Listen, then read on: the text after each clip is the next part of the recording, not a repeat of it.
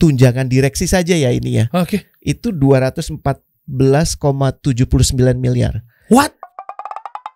Kita kasih solusi. Coach Rene. Dari Assalamualaikum. Waalaikumsalam warahmatullahi wabarakatuh. Ini berita lagi rame banget. Gaji ACT CEO-nya ya. Mm-mm. 250 juta ini setara petinggi BUMN. Hai. Ini lembaga non profit katanya ya. NGO apa ya? Eh, lembaga amil, Amil zakat. zakat. Amil zakat. Eh, kalau nggak salah mereka ambil zakat, jadi berhak menerima zakat dan Eh, eh. pembayaran zakatnya bisa dijadikan sebagai pengurang pajak. Oke, kalau nggak salah coach gue baca mengenai undang-undang itu lembaga-lembaga seperti ini ya bantuan-bantuan apa segala macam itu boleh ngambil biaya operasional Mm-mm. itu hanya maksimumnya 12,5 persen. Betul. Ternyata kalau dihitung-hitung ini mah lebih nggak sih? Sebelum kita masuk ke sana sih, Der, Heeh. kita beneran nih mau bahas ini. Bahas. Jadi nggak ada disensor ya karena memang ini ada konsu- eh, konsumsi publik. Iya. Iya kan ACT udah kesebar di mana-mana apalagi kalau Tempo Iya. udah ngasih karikatur, ilustrasi naik ke covernya. Ya, Yang lo rasain apa, Der, pas baca berita ini? Ya Allah itu dana gue yang gue kasih nih misalnya. Kok sedih ya, tiba-tiba marah, kesel. Oh iya, ini kita ngomong fitrah manusia ya. Iya, iya. Maksudnya eh, banyak teman-teman kawan-kawan kita juga di sana. Mm-mm. Maksudnya kerja apa segala macam ya Gue memang juga ada beberapa kawan di sana Heeh. kenal baik malah. kayak, iya. Makanya sebelumnya gue usul kita kita berlindung dari Allah dari Oke. apa yang kita mau sampaikan hari ini supaya eh, kita niatkan bukan untuk bikin apa ya istilahnya kalau lagi panas kita malah ngelemparin bara gitu. Nah, enggak, Itu kan bukan, nggak asik bukan. ya. Bukan, Dan bukan. dan apa kita kita coba step back. Jadi eh gue pas denger berita ini pertama respon gue marah sih, Iya. marah dan terus yang kerasa tuh sedih gitu, Iya. ya karena kok begitu amat gitu ya. Hmm, Tapi pada saat emosi itu sudah sudah dilalui, hmm. kita bisa lebih jernih berpikir dan kemudian coba meneliti ulang apa yang disampaikan tuh bagaimana seperti apa. Nah, Oke. ada hal-hal yang kita tahu persis karena itu diberitakan. Eh, ta- ada juga masuk juga ke dalam laporan keuangannya. Mm-mm. Sebelum kita ngobrol ini, Derry udah ngasih PR ke gue untuk bisa meneliti itu. Tapi ada juga yang kita nggak tahu, Der. Iya. Jadi masih bentuknya jika.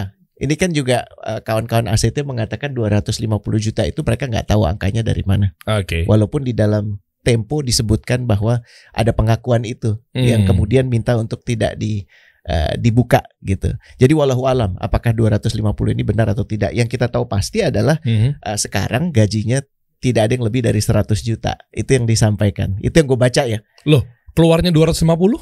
Ada di pemberitaan Tempo gitu. Kok Ada tiba-tiba muncul 100 juta?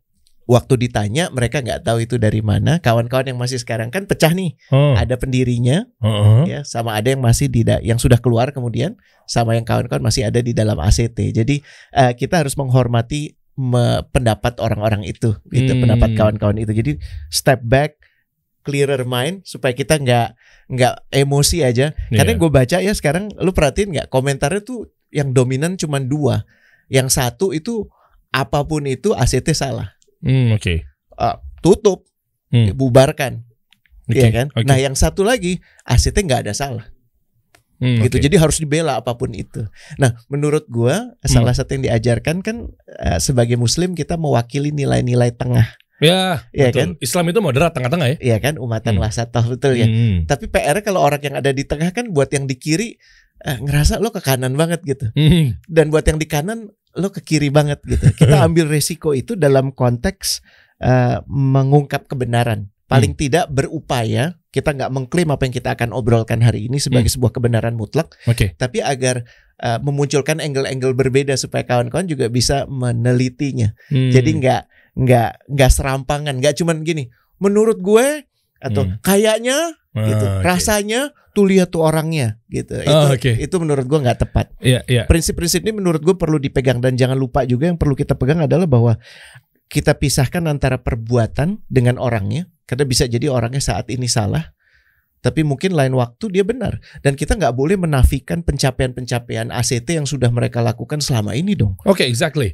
Ini menarik Iya kan? nih coach Rene. Ya artinya gini, eh, bagus banget tadi eh, coach sudah mengingatkan seperti itu. Kenapa? Karena kalau gue ngambil dari angle gini coach, dengan adanya fenomenal seperti ini, ya kan, eh, juga jangan kita malah apa ya, eh, skeptis sama priori. Iya, hal-hal yang memang ternyata ini adalah sifatnya sedekah atau mungkin ini sifatnya Udah adalah curiga duluan. udah curiga duluan gara-gara seperti ini. Nih, jadi ini disclaimer ya teman-teman ya. Kita bahas ini benar-benar detail banget uh, tanpa menyuduti. Kita berangkat dari source dan juga ya, informasi-informasi yang ada. yang berhasil ditampung hingga saat ini. Mm, bener bener bener jangan sampai jadinya kita malah udah ah, muncul ke permukaan tahunya kita jadi malas sedekah misalkan. Ya lihat aja duit gue yang waktu itu dikirim eh, kagak kagak dipakai dengan benar tuh gitu. malah Jadi dibeliin Alphard gitu kan? Ah, asumsinya saat buruknya satu lembaga memastikan buruknya semua lembaga kan nggak nggak baik. nah oke Ya kan ada yang bilang juga bubarkan ACT karena kesalahan ini. Bukankah Kementerian Sosial juga pernah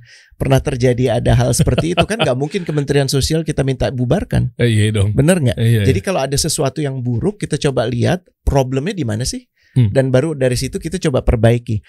Upaya Derry dan Rene ngobrol hari ini eh, menurut gue adalah untuk memahami konteksnya Hmm. karena banyak sekali pemberitaan yang eh, maaf ya eh, bombastis gitu. Hmm. Gaji ACT sempat 250 juta ini setara petinggi BUMN. Bener sih maksudnya petinggi BUMN kan belum disebutkan siapa tapi gue ini kalau boleh langsung masuk ya Dan boleh ya. boleh boleh boleh Ya, gue udah bikin kayak Eh, tulis-tulisan coret-coretan dikit. Ini kan sebenarnya nyambung sama obrolan kita soal gaji ya, Dan. ya. iya pas banget ya Kayak kan BUMN ya, Uh-uh. salah satu plat merah yang paling moncer dan datanya emang ada. Aha. Eh, pembe- yang memberitakan juga sama dengan yang tadi menyampaikan itu CNBC. oke Gue gua ambil ini gitu ya. Jadi gaji komisaris direksi empat raksasa. Ini gue taruh di sini ya. oke Eh, sumbernya kalau kawan-kawan mau lihat boleh. Gue akan ngambil mandiri dulu ya. oke Mandiri itu gaji dan tunjangan direksi saja ya ini ya. oke Itu 214,79 miliar. what Ini gaji dan tunjangan untuk seluruh direksi, bukan satu, seluruh direksi Kaget gue. saja. kaget gue Ya. Eh, ditambah Aha. bonus dan tantiem. Tantiem tuh sebenarnya bonus yang diperuntukkan buat eh, direksi karena direksi kan bukan karyawan. Dia penunjukannya itu politis. oke oke Paham ya? oke Ini di luar komisaris ya. Gue hanya bicara direksi ya. Oke, ini bonus yang dimaksud adalah bonus yang memang tahunan untuk pegawai. Itu Bukan, itu beda lagi.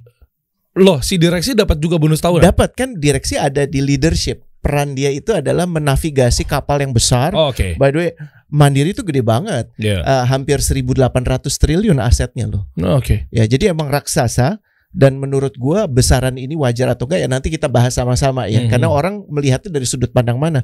Eh, se- 200 M itu bisa besar untuk sebagian orang, bisa bisa belum tentu besar untuk sebagian orang yang lain gitu. Nah, kita Hmm. coba telisik. Jadi Oke. totalnya ada 528,17 M. Totalnya ya Der ya. Oke. Alokasi satu tahun untuk direksi. Oke. Nah, jumlah direksinya itu ya ada 12 Artinya dibagi aja. dibagi 12 Eh, ya. Eh tapi sebelum dibagi gue bagi 13 dulu deh. kenapa? Kan per bulan. Kan ada ada bulan yang kita dapat gaji namanya Oh. makanya bukan kalau di Indonesia tuh penggajian 13, bukan Iya. 12. Katakanlah diga- dibagi 13 jat- dapatnya 44 M. Oke. Clear ya Der ya? Oke, oke. Maka kemudian kita dapat angkanya 3,38 M kalau dari kombinasi antara gaji dan tantiam. Tapi tantiam tuh biasa dibayarnya belakangan Der. Hmm, Bukan bulanan. Oke. Sehingga totalnya kawan-kawan direksi Bank Mandiri itu bawa 1,3 M Per bulan. per bulan. Pantesan an- teman saya yang bapaknya menjadi direksi bank itu gede-gede juga dan kaya raya ya. Eh, Alhamdulillah kan kita mensyukuri ya nikmat yang dirasakan orang itu. Tapi apakah eh, 1,3 itu mereferensikan eh, besar atau kecil? Menurut gue kita nggak boleh berhenti sampai di situ karena kalau kita lihat nih Der, ya tunjangan direksi berbanding dengan labanya. Laba ini kan keberhasilan para direksi ini memunculkan manfaat kan? Iya. Itu cuma 1,9 persen, jadi di bawah 2 persen Der. Oke, ini presentase dari eh, revenue ya.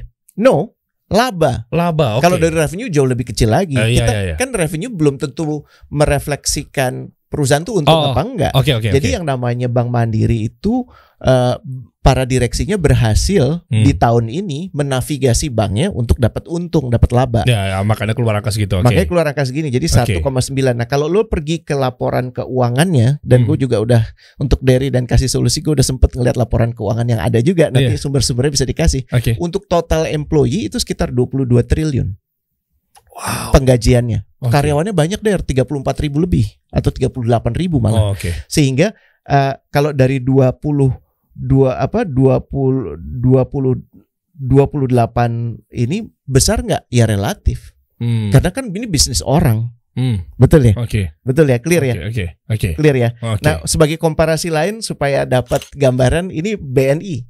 Oke, nih guys, kita ngomongin bank ini maksudnya tadi berangkat dari narasi headline yang pertama ya. Iya, Karena- apakah sepa kan Eh. tadi dibilang 250 juta tuh setara dengan petinggi eh, BUMN. Ya, kalau petinggi non direksi. Ya, oke. Karena kalau direksi jauh, men. Ya, ya, oke. Ya. Atau kalau kita lihat coba Bank Mandiri eh, Bank BNI Hmm. ya, Bank BNI itu gaji dan tunjangan eh, 62,9 M. Lebih kecil Sementara dikit ya. bonus dan tantiem 85. Signifikan sih. Hmm, oke. ya. Jadi totalnya alokasinya 148 M untuk direksi. Per bulannya alokasinya kalau dibagi 13 ada 11,4 M. Oke. Paham ya? Oke. Dan kemudian kalau dijadikan apa eh, dengan tantiemnya mereka dapat di bawah 1 M 951. Kalau tanpa tantiemnya sekitar ya 484. Hmm. Oke. Clear ya? Oke. Ya dan kita bicara kalau eh, apa eh, labanya BNI maka dia punya proporsi yang lebih kecil bahkan dari eh, Mandiri. Alokasi buat direksinya sekitar 1,3 persen. Hmm, oke. Paham ya? Oke. Jadi kenapa gue membandingkan dengan laba? Karena laba itu kan ukuran eh, keberhasilan Iya. manajemen, Bukan omset atau revenue. bukan omset atau revenue. Karena Iya. bisa jadi cost-nya juga gede. gitu. Iya, iya, oke. Nah terus kembali ke sorry mempertegas lagi. Jadi nggak tepat kalau membandingkan antara pendapatan 250 juta tuh setara dengan eh, bos-bosnya eh, apa Hmm. BUMN. Bos-bosnya BUMN menurut gue dapat lebih tinggi lebih besar dari itu. Hmm, Paham oke. ya? Oke. Clear ya di Iya, situ ya. Oke, oke. Gitu. Nah berikutnya Hmm.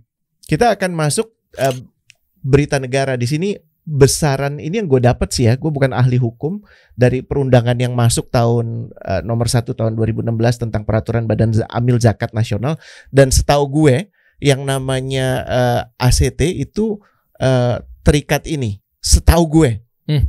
karena setahu gue juga mereka lembaga amil zakat Lah iya memang iya. karena ada yang enggak loh der Hah, ada emang? yang pengumpul dana aja gitu yang bukan sebagai amil zakat tuh artinya lu bisa menjadi pengurang pajak loh Iya, iya, negara oke. mengakui itu itu Oke. gampangnya definisi salah satu definisi mudahnya tuh itu Makanya ketemu angka si maksimal 12,5 persen untuk dari zakat amil eh, dari dana zakat ya. Oke. betul Oke, oke. jadi mereka boleh mengambil dari semua dana yang terkumpul 12,5% dari zakat kalau tidak mencukupi Mhm. untuk kebutuhan operasional maka berhak mengambil hingga 20% dari infak atau sedekah kalau tidak mencukupi Hmm, baru mau ngomong. Kalau kalau kalau tolak ukur nggak cukup tuh gimana nih coach? Gini dong gitu jadi emang eh, kan gini kalau lo ingin campaign lebih luas kan butuh modal Eh, iya iya. untuk mungkin beriklan atau lo butuh mempekerjakan orang by the way dalam obrolan ini gue sangat setuju Hmm. anggapan bahwa eh, yang namanya apa yang namanya kerja di eh, badan non profit eh, ya sepatutnya juga dibayar baik Eh, gini coach, gini gini. Iya memang iya oke. Mereka udah membantu proses orang-orang yang tadinya misalnya nggak mampu, jadi terbantukan apa segala macam. Oke clear. lebih dari itu memunculkan kesadaran Iya. orang-orang yang mampu untuk Nah. terlibat Cuma gini, gue nggak mau bahas mengenai ACT-nya dulu deh. Banyak juga kok lembaga-lembaga amil zakat, kok kayaknya niat banget gitu loh. Gue dari sudut pandang marketingnya nih ya. Hmm. Kok sampai-sampai konten-konten yang butuh bantuan, dana gitu kan, support ini, dana untuk bu ini, pak ini dan lain sebagainya gitu kan, apa negara ini, negara itu gitu kan. Mm-mm. Tapi pakai ads. Maksudnya seniat itu gitu loh. Maksudnya nggak heran berita ini Lo- muncul, akhirnya manusia jadi skeptis bahwa lo kan orang brand ya. Iya. Gue ini justru bertanya balik ke lo. oke oke. Gimana cara mereka untuk bisa dikenal niatan baik itu, ikhtiar baik itu, Hmm. kalau tidak dipromosikan di channel-channel sebagaimana yang komersil? Iya, paham betul. Maksud gua gini coach, maksudnya kan eh, bisa optimasinya dengan cara organik. Oke, Jadi ads nggak bayar maksudnya. nggak bayar. Iya dia ngonten sendiri apa segala macam atau mungkin gandeng influencer apa segala macam. Ya influencer mungkin 0 rupiah. Sebentar ini muncul, perdebatan nih. Mm-mm. Iya kan? Paham, gue mengenai ads paham. Karena gue dari berangkat dari orang brand. Ya. Iya, paham. Tapi eh, mungkin bahasa narasinya gini kali ya. Kok niat banget? Itu dulu deh. Seniat itu dia berkampanye. Bukan ACT yang lagi gue bahas, tapi ini lagi secara generalisir ya. Kalau gue sih menurut eh, baiknya gimana wallahu alam. Dan Bisnis baik banget gitu loh. dari cara pandang gue Oke. justru mereka perlu menggunakan pendekatan bisnis untuk bisa efektif, untuk bisa optimal, walaupun dalam pelaksanaannya tidak boleh sebebas-bebasnya bisnis. Contoh, kalau dana yang ditampung itu 100 miliar misalnya, Hmm. terus 50 persennya dipakai buat mempromosikan, ya artinya yang bisa diberikan cuma 50 persen dong. Itu udah ngaco. Kita ambil aja perimbangannya gini. Oke. Untuk bisa mencapai bisnis 100 miliar deder, ya Mhm. untuk bisa ngejual sebesar itu, promonya mesti berapa sih? Biaya promonya tuh mesti berapa? Iya memang tergantung ya relatif ya. Makanya, Iya. jadi menurut gua apakah ini artinya nggak boleh sama sekali ya nggak Oh bukan, tepat. bukan. Tapi iya. harus ada kadarnya. Nah masalahnya nggak sedikit juga mereka tuh nebeng-nebeng. Ya maaf ya bahasanya agak kasar gitu ya. Gue bilang mereka juga belum nonton lo juga gitu brand yang gue sebut. Maksudnya nebeng-nebeng para pebisnis juga. Kayak misalkan dia gandeng satu business owner Mm-mm. dari penjualannya terhitung kamu juga sudah sedekah lo. Mm. Nah, itu Nggak- banyak. nggak salah menurut Eh, iya memang nggak salah tapi nggak salah jadi sembali mem- semba, sambil membeli gue bersedekah hmm, ya nggak salah menurut gue salahnya di mana gue nggak bilang nggak salah coach. Eh gue nggak bilang salah. Uh-uh. Tapi maksudnya eh eh, niat banget itu bahasa lo tadi Iya.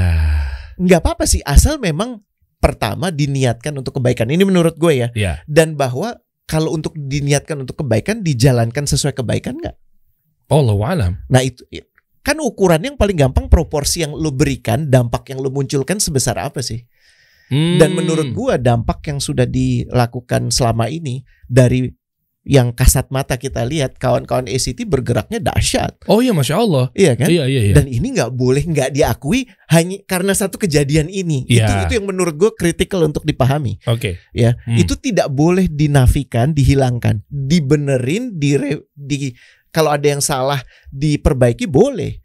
Tapi tidak boleh semena-mena. Wah artinya seluruhnya tentang lembaga ini salah jelek itu nggak boleh menurut gua. Apalagi bubarin apa segala macam kan. Gue nggak setuju itu. Iya, makanya kita bahas di sini tuh maksudnya lebih kepada kita diskusi teman-teman ya. Eh, dengan ada seperti ini sebenarnya pantas nggak sih? Itu dulu deh Kita lihat ya sekarang kita, ya. kita masuk ke benang merahnya sebenarnya pantas nggak 250 juta buat CEO dari ACT? Nah itu ini ini akan jadi ini akan jadi sangat subjektif dan makanya sekarang gue coba gue coba bongkar aja kawan-kawan kalau mau berpendapat beropini gue juga ingin mendengarkan kawan-kawan opininya seperti apa Oke. tapi kita udah ngerti aturan main kalau lo sebagai lembaga pengumpul dana yang Hmm. boleh lo pakai tuh kasarnya 10 sampai 15 persen lah ya kurang lebih ya di sini 12 setengah persen betul ya Oke. jadi oke. katakanlah ya, gue mendapat informasinya kawan-kawan di ACT itu berhasil mengumpulkan setiap tahun hampir-hampir konsisten setengah triliun, jadi 500 miliar. wow. Ya, 500 miliar itu kalau kita menggunakan ketentuan 12 setengah persen, Mhm. yang biru itu jadinya. Lihat ya Der ya, Oke, jadi 12 setengah persen, jadi 62,5 miliar itu adalah yang boleh lo pakai untuk operasional lo ya dari dari si 500 miliar ya. dari 500 miliar. Oke. Ini asumsi ini bukan datanya dari dari ACT. Ini pokoknya dari yang gue dengar Mhm. mereka sekitar lima dari yang gue baca di Tempo mereka 500 eh, miliar setiap tahun. Berat Oke. itu itu valid karena angkanya 512, 514 supaya hitungannya gampang 500 deh. Oke, ini source Tempo ya. Tempo. Oke. Eh, dan banyak di di laporan keuangannya juga sekitar segitu sih. Oke. Eh, jadi kalau kita mengambil yang mudahnya adalah 62, M. Kalau mengambil dari yang infaknya maksimum 100 M. Oh, tadi yang peraturan dari negara ya. Iya. Hmm. Nah, gue sekarang coba berandai-andai. Biaya SDM itu ya eh, baiknya eh, tidak boleh lebih dari 25 sampai 30 persen Kenapa gitu? jasa. Oke. Kalau lebih dari itu artinya lu nggak balik modal Oh, karena iya. kan ada cego ada ada cost of goods sold-nya. Nah, ini saya pancing uh, uh, uh, makanya untungnya coach ini keluar gitu. Jadi jadi jangan maksud gue gini, kalau lo dapat pendapatan 100 maksud buat gaji SDM-nya 100. Kan nggak Iya, mungkin. Enggak dong, boncos. Batas kewajaran itu adalah 25 sampai 30 M. Oke. Katakanlah gue max out 50%. Karena kalau di kantor konsultan, kantor law firm tuh mungkin bisa sampai 50%. Oh ya? Mungkin. Karena kan emang ini orang ya, Oh jasa ya. jasa ya. Hmm. Jadi dana yang bisa dipakai itu 31,2 M. Paham ya? Oke. Paham ya? Oke. Kalau yang di sini 50 M, paham ya? Mhm. Dan kalau kita bagi 13 bulan, maka alokasi per bulannya 2,4 M. Mm-mm. Paham ya? Mm-mm. Kalau untuk yang 50 eh kalau yang untuk 100 M eh, dari dari porsi 100 M tadi 3,8 M. Clear ya? Dibagi 13 ya. Dibagi 13. Hmm. Informasinya sebelum huru hara ini ACT punya karyawan 1600 orang dan sekarang jadi sekitar 1100 orang. Bagi aja tuh angka. Jadi Hmm. dapatnya 1,6 juta per orang. Ini gaji loh. Oh, Oke. Ya, Oke. kalau misalnya jadi cuma 1100 karyawan 2,1 juta. Hmm. Paham ya? Mhm. Kalau yang dari alokasi yang merah yang 100 M, 1600 karyawan artinya 2,3 juta, sera- 1100 karyawan artinya 3,4 juta. Jadi Hmm. kalau mau dibagi kuenya, piecemealnya, Mhm. sepatutnya ini segini. Segini. Nah, pertanyaannya, kalau dari angka ini lo bergaji 250 juta sebagai CEO wajar nggak? Wah. Itu itu pertanyaan sih. Anda kalau pertanyaan itu pertanyaan sih, Anda rajanya sarkas coach Rene. Itu pertanyaan sih. lihat mukanya, lihat mukanya. Iya, ya. Jadi ma- mau minum. kan masih inget nggak? Kan kita sempat eh, apa ada satu orang bijak namanya Pak Sudirman Said kapan-kapan nanti diundang ya. Oh iya betul. Ya, Beliau jenius tuh, masya Allah. Hmm. salah satu hal yang menjembat yang mendefinisikan ini lagi-lagi gue nggak me- merujukkan ini kepada siapa pun ini gue cuman Hmm. mengungkap bahwa esensi korupsi itu adalah pada saat seseorang menggunakan otoritas publik Untuk untuk kepentingan pribadi atau keluarga boom. gue cuman pengen nanya aja sih ya eh, wajar nggak segitu dan gue coba ilustrasikan lebih lanjut lagi nih Der Hmm. 250 juta itu artinya eh, ini 3 M nya gue hapus deh ya supaya nggak membingungkan Oke. 250 juta itu artinya per bulan kalau dari rata-rata itu tadi 156 kali karyawan eh, gaji karyawan yang biasa Anda maruk. Iya. Parah banget, pas 156 kali lipat. Iya bisa sampai segitu. Dek, kalau lo nanya ini wajar nggak di korporasi di Amerika Serikat ada yang sampai seperti ini? Oh, tapi ini nggak wajar. Ini kan lembaga amil zakat. Coba kita banding, coba dong kita komparasi sama kitabisa.com. Coba dong kita komparasi sama rumah zakat, dompet duafa biar fair coach. Ada Ini- datanya nggak? Ada. Wow, langsung ada. ACT itu kalau kan gue naruhnya 250 sama 100 ya. Karena ada yang satu lagi mengatakan setelah kejadian jadi 100 juta. Tapi dari pelaporan di Tempo ditunjukkan bahwa ini salah satu cara untuk membandingkan tingkat keadilan Hmm, eh, apa tingkat keadilan kita membayar, Oke. baik itu orang lain ataupun diri kita sendiri. Oke. dibandingkan dengan yang organisasinya serupa. Dompet duafa itu 40 juta, rumah zakat itu 25 juta. Si Eh, signifikan. Tapi kan bisa dilihat dari misalnya ACT kan sekitar 500-an lebih. Dompet duafa menurut catatan 400-an. Ya kan beda Rumah tipis zakat coach. 300. Ya beda tipis lah. Hey, Tapi gini, Anda Anda coba lihat. Anda lihat. Ah, astagfirullah. Nih, rumah RZ tuh rumah zakat ya. ya Ini datanya ada ya, rumah zakat 200 du- eh sorry, 25 juta per bulan. Ini CEO loh. gaji tertinggi ya. Gaji tertingginya loh ya. Eh, Anggaplah. CEO. Walau walam ya ini pengakuan dari orang-orang yang di interview Tempo, bukan gue yang Oh interview. iya iya iya. Ha-ha. Ya, oke. Nih nih nih nih. Eh, source-nya mana? Source-nya di Tempo ya? Ada nggak di di di di mungkin di history Di sini sih. ada ada. Nanti, ah. Nan- nanti gue bisa kasih lihat juga sih di laporan Tempo Ini- itu ini ada. Oh, ada ya. Ha-ha. Oke.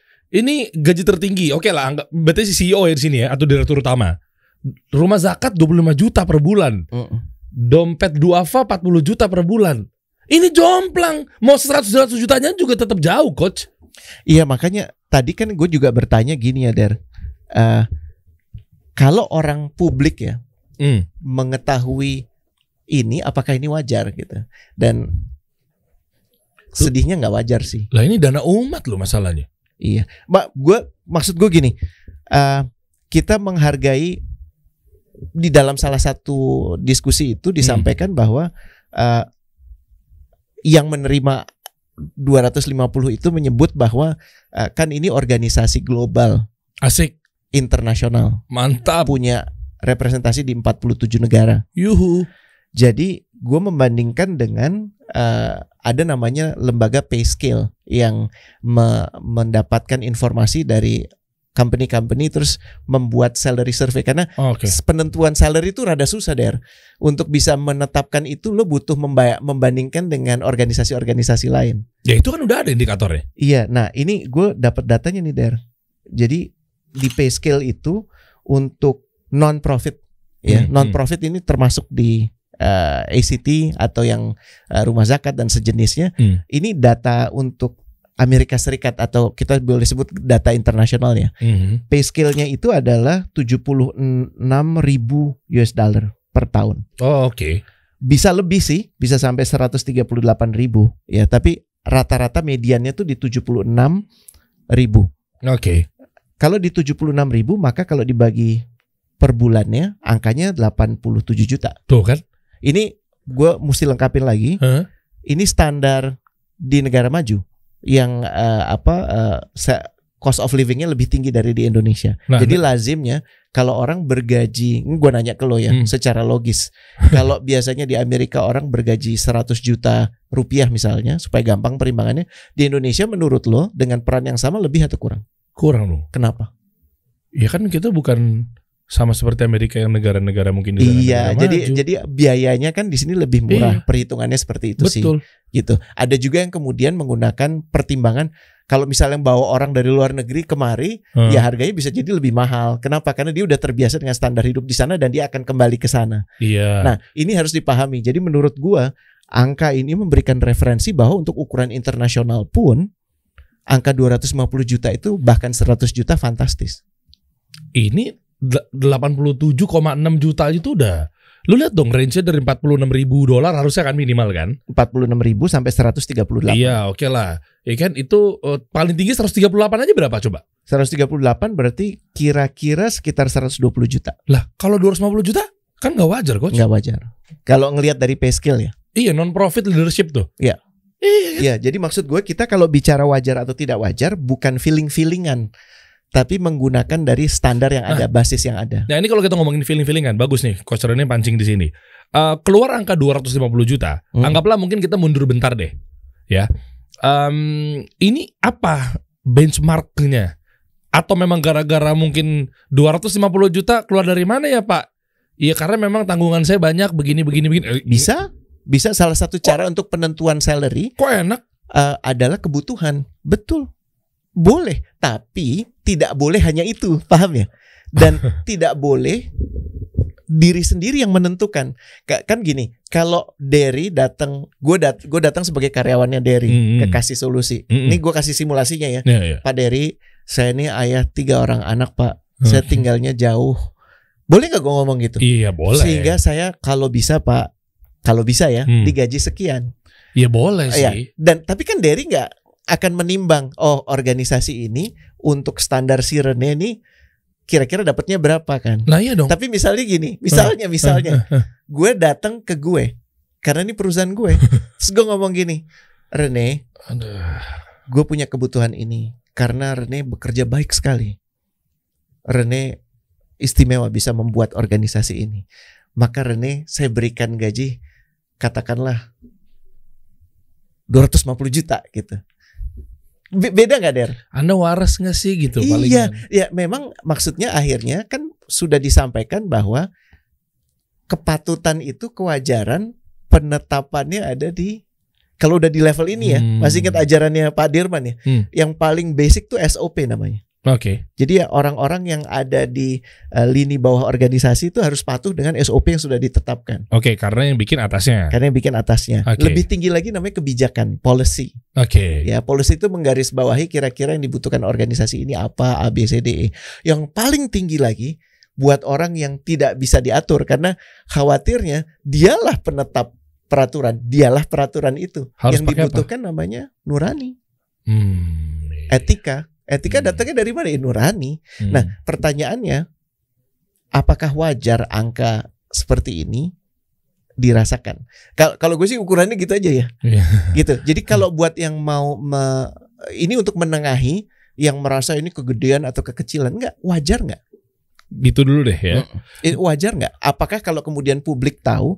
Gue nanya ke lo, menurut lo gaji eh, yang setelah lo tahu dari para direksi mandiri itu wajar nggak? Iya wajar. Kenapa?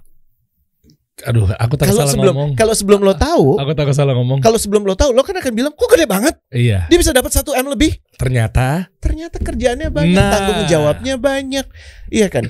Aset Tadinya yang gitu. dikelola berapa?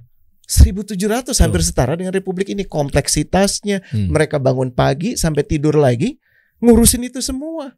Dan kalau mereka salah, mereka bisa dipersalahkan. Itu tanggung Hmm. jawab mereka. Fiduciary duty itu ada. Oh, jangan-jangan mungkin ACT juga wajar kali coach. Kan bisa jadi kan juga kan uh, sampai Palestina lo dibela. Makanya kalau kita bicara dampak, tidak boleh ada yang menyangsikan. Ih, siapa tahu memang banyak keluarga-keluarga kita yang kena bencana, banyak begini. Jadi akhirnya kamu harus bayar Setuju. saya 250 juta. Setuju, tapi yang kita harus tanyakan bukan 250 jutanya dari Tapi bagaimana proses 250 juta itu terjadi. iya. Masih inget gak tadi cerita gue? Gue Hmm. daftar ke Derry, Pak Derry, Iya. kebutuhan saya A B C D E. Terus gue ngomong sama diri gue sendiri, Pak Rene, oh iya gue sendiri. Kebutuhan gue segini, nggak bisa Der, Anda bapak sarkas nasional sepertinya ya. nggak bisa Der. Dan itu justru Iya. menurut gue ini kesempatan baik untuk kawan-kawan ACT dan di mana pun Hmm. untuk meluruskan ini libatkan aja publik. Publik yang tidak ada kepentingan. Contoh kalau Derry, misal Hmm. ada institusi kasih solusi donasi gitu ya. Jangan ketawa gitu dong. Gue ngeliat muka lo tuh ketawa der. Terus lo tiba-tiba ya mau menggaji lo usul gue der. Lo panggil orang di luar sana untuk jadi judge, jadi kadi. Terus lo nanya, gue kira-kira kalau bayar gue segini gimana? Nah, angka berapapun itu insya Allah akan lebih waras. Karena ada publik yang tidak tergantung hidupnya oleh lo. Karena kalau lo nanya anak buah lo, ya terserah bapak aja nih kan perusahaan bapak, betul nggak? Iya. Betul Iya, nggak? iya, Jadi betul. pertanyaannya, isu sentralnya bukan 250 juta. Sekali lagi, bukan 250 juta. Sekali lagi, bukan 250 juta. Tapi dari mana angka itu muncul? Hmm. Dan menurut gue ini yang perlu dipertanggungjawabkan oleh kawan-kawan di ICT. Hmm, Oke, boleh nggak kalau mindsetnya gini coach?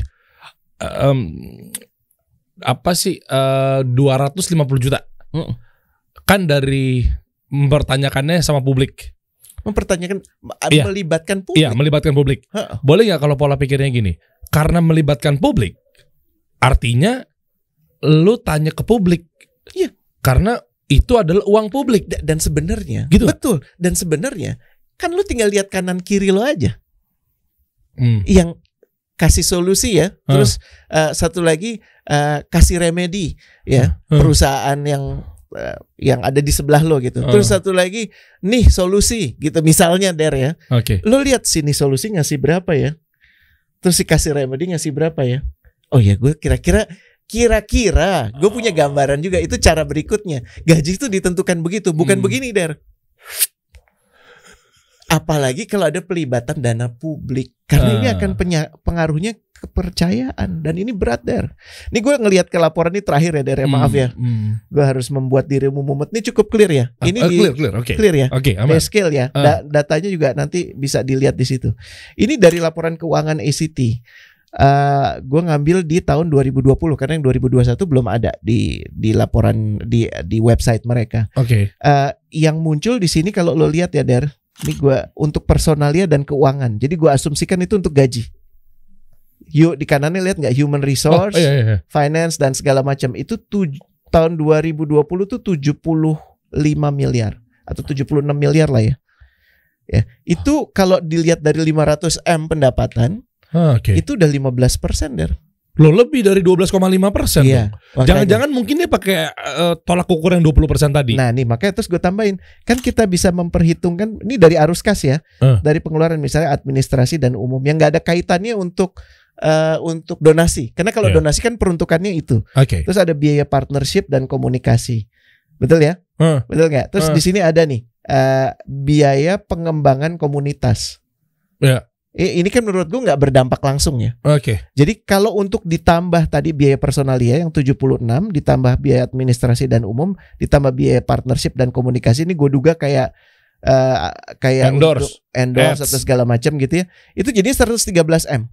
113 M kalau dibagi 500 M itu 22,6 persen. Oh, makin naik. Kalau digunakan kalau ditambahkan juga dengan dan, da- dana yang dialokasikan untuk eh, ini untuk apa kemanus bukan untuk pengembangan komunitas. Ini gue nggak tahu ya definisinya pengembangan komunitas apa, tapi menurut gue nggak langsung terkait. Menurut gue, menurut lu gimana? Hmm, enggak sih, ya. Enggak ya. Betul. Berarti sembil- 192 M. Ush. Berarti 38,4 M. Ini lu ih buat apa ya? Gue ngeliat kayak gini nih. Ih maaf ya ACT ya tanpa mengurangi rasa hormat ya. Ini bisa jadi gue salah silakan. Dan baiknya gini, kalau mereka berkenan, Eh, kita undang untuk bantu memberikan clarity soal ini. Yang mana yang foundernya apa yang yang sekarang? Ya siapa pun dan Derry ya. Derry ini beneran serius. Ya enggak gue nanya Lo coach. undang Nggak, kalau maksudnya- dua-duanya kalau mau kayaknya Enggak, kan enggak yang yang diundang yang yang founder yang mendirikan ACT-nya. yang kan sudah enggak kan dia nggak berhak mewakili ACT. Loh dia kenapa udah enggak? Ya nggak tahu tanya sama mereka kan mereka ada ketidaksepahaman akhirnya berpisah. Buat Ini eh, kan gini ya. lembaga baru. Gini data ini nih udah ada der. Hmm. Cuman lo sama gue kan nggak pernah baca, Nah, nggak pernah ngelihat ini. Jadi menurut gue apa pun yang terjadi ambil hikmahnya. Alhamdulillah. Artinya ini jadi pengingat buat semua kawan-kawan yang melakukan kegiatan serupa untuk gak serampangan karena sekarang lu semua pasti lagi jadi perhatian. Hmm, hmm. itu dia makanya maksudnya eh bisa jadi mungkin dia nggak salah nggak sih? Gue nggak tahu ya. Gue mau coba eh bantu kali ya. Bisa jadi mereka nggak salah karena kan tiap tahun mereka ngelaporin dan mereka nggak. Betul dan ini memang artinya fungsi pengawasan publiknya eh, eh, nggak efektif. tapi gue baru ketahuan sekarang. Baru dibuka sekarang Lah kenapa baru dibuka sekarang? Kalau memang datanya dia udah ada dari bertahun-tahun kemarin. karena lo sama gue nggak pernah baca. Kalau nggak ada berita ini kan kita nggak ngomongin. Eh, iya paham. Cuma maksudnya kenapa tiba-tiba siapa yang buka? Nggak tahu. Oh. Tapi biasanya ada perseteruan di dalam. oh tapi yang yang dari berita Kalau yang dari berita eh, siapa namanya? Pak Ahyudin Ahyudin itu siapa? pendirinya, Pendiri ACT. pendiri ACT, terus kemudian dia diminta untuk resign oleh kawan-kawan yang lainnya. Diminta untuk diri dikat dong. Dia udah nggak di situ sekarang, dia bikin sendiri ACT baru lah, apa global. Oh, makanya Muslim ngebuka ini. Ah. 250 juta makanya dibuka. Nggak paham gue detailnya seperti apa. Tapi Oh. gue memang melihatnya gini lah, apa pun yang terjadi itu atas izin Allah. Ya, itu pertama. ya dan sekarang kita diberi kesempat kesempatan ini bukan semoga ini nggak gue gue berdoa sama gue berdoa pada Allah gitu kita tidak dalam kaitan mengungkap keburukan orang Ya enggak enggak. tapi enggak, dalam kaitan untuk memba, mengungkap kebenaran sebagai kebenaran Hmm. kita kita ada di posisi mendukung kebenaran Hmm. ya dan kadang-kadang suara-suara yang muncul di luar sana itu udah jauh dari itu cuman ingin manas-manasin. Iya, iya bener. Gue baca juga kok gitu. Pak Ahy siapa tadi? Pak Ahyudin. Ahyudin. Iya maksudnya net- netizen juga kadang suka ini sih. Maksud gua guys lu bahaya loh. Lu kalau kalau belum ada bukti yang konkret apa segala macam lu malah bisa kena su kena somasi dan lain sebagainya. Kenapa? Karena bukan berarti Pak Ahyudin ini adalah tadinya founder ACT dan sekarang juga tidak lagi terlibat di ACT akhirnya disangkut pautin. Oh Hmm. jangan-jangan nih begini. Oh, dia udah enggak dia ngebongkar begini. Maksud gua lu juga jangan so tahu. Kalau jangan-jangan tuh emang banyak sih tapi memang petunjuknya dari apa yang sudah terjadi menurut gua kita bisa ambil manfaat nomor satu sih ini deh Iya. ya, jangan bakar rumahnya. Oke. Ya menurut gua A- ACT itu udah keren banget. Mereka memulai satu inisiatif baru ngajakin orang untuk berderma dan mempublikasikannya dengan asik. Dan gue paham banget itu butuh biaya. Ah, iya, iya. cuman apa iya sebesar itu? Dan baiknya untuk kemudian ke depannya dilaporkan sebelumnya. Jadi udah dibuat pembajetan aja sebelumnya dilaporkan ke publik. Apalagi sekarang gitu. Jadi jangan bakar rumahnya. Gue sih nggak bukan termasuk orang yang setuju eh, ACT dibubarkan. Karena banyak anak-anak muda keren anak-anak muda idealis yang masih di sana masih mau berkiprah Iya. ya mudah-mudahan eh, ada cara untuk eh, me- apa me- menyelamatkan organisasinya dan membersihkan dari segala macam hal yang tidak baik. Hmm. Nah ini yang kedua atasi sumber masalahnya, Hmm. jangan bikin masalah baru. Kalau lo mau berkomentar, menurut gua ya pahami dulu case-nya dan posisi lo diperkuat. Jangan dikaitkan oh ACT dengan yang ini dengan yang itu. Aduh udah ke, udah ke mana-mana akhirnya. Iya, iya benar. Iya nggak? Hmm. Fokus dulu ke isinya, inti masalahnya apa. Kalau kita udah tahu kan ini penataan keuangan, Hmm. ya beresin dari situ aja. Tindak tegas semua pelanggaran sesuai hukum. Hmm. Udah ada kok kita negara hukum. Ya nggak? Ambil hikmah. Gimana sih cara membangun dan mengelola trust dan itu berat ya. Iya. Dan ini pelajaran buat buat kita, buat kita di coach kasih solusi, buat dikasih solusi. Hmm. Ya nggak? Pada saat orang udah percaya, orang punya kecenderungannya mempercayakan apa aja, betul nggak? Iya. Sampai kemudian terbukti lu nggak terpercaya ternyata, Nah, iya. iya kan? Dan yang terakhir, ACT menurut gue wajib unjuk akuntabilitas untuk bangun kepercayaan publik kembali. Hmm. Ini sih doa gue ya dan Iya. permintaan gue gitu dan senang banget kalau kemudian nanti eh, ada kawan-kawan yang berminat untuk kawan-kawan ACT berminat untuk datang mencoba menjelaskan ini. Kasih mereka ruang untuk menjawab ini. Karena ini data-data yang gue dapat sih. Iya, jangan di push, push, push, tekan, tekan, tekan. Orang Hmm. juga kesian kasih kesempatan lah. Makanya kita dengerin dulu gitu loh maksudnya. Mm. Iya, dan juga mungkin buat pihak aksi cepat tanggap juga ya iya maksudnya eh, bagus ya. Kalau gue lihat sih oke lah. Tadinya gue mau ngasih pesan tapi ternyata oke kok mereka welcome mereka jawab ya. Mm. Mereka jawab makanya kan ada 250 juta jadi 100 juta. Nggak Iya. kabur gitu. Dan sekarang ini udah kalau dari yang gue baca Hmm. sudah dalam proses perbaikan. Mereka Oh, oke. berusaha memperbaiki diri. Oh, jadi artinya nggak kabur Dengan- dari masalah? Enggak, beliaunya kan sudah nggak ada. Beliau Oh, yang tadinya menjadi penetap hal-hal yang mungkin dianggap tidak tepat sudah tidak ada. Mhm. Mereka sekarang sedang memperbaiki diri. Ya kita dukung mereka memperbaiki diri. Hmm. Kalau ada yang miss, ada yang salah, perbaiki kesalahannya. Bukan menjadikan kesalahan itu sebagai totalitas dia. Lo gue kan nggak mau dipersalahkan untuk satu hal Hmm. dan kemudian semuanya tentang hidup kita jadi salah. Hmm. Itu nggak tepat menurut gue. Hmm, iya, Jangan iya, iya. bakar rumahnya. Rumah ini bagus sekali. Rumah ini indah sekali. Ada kamarnya yang bocor dan harus diperbaiki. Dan cara memperbaiki gimana? Ya kalau kamar bocor tuh kan jadi apek ya yang Hmm. namanya apa yang namanya eh, kasur apalagi jatuh ke kasur. Waduh. Kasurnya dibawa ke terang, dijemur. Iya. Nah, ini bawa ke terang aja udah dibahas. Kalau salah akui kesalahan. Keren. Gitu. Iya, iya. jangan kabur ya. Jangan kabur dan menurut gue mereka nggak kabur. Ya mereka nggak kabur. Iya. Tapi kalau Holy Wings kabur nggak petingginya? lo kasih gue masalah baru ini. Ah. Kita bahas besok ya. Kita kasih solusi.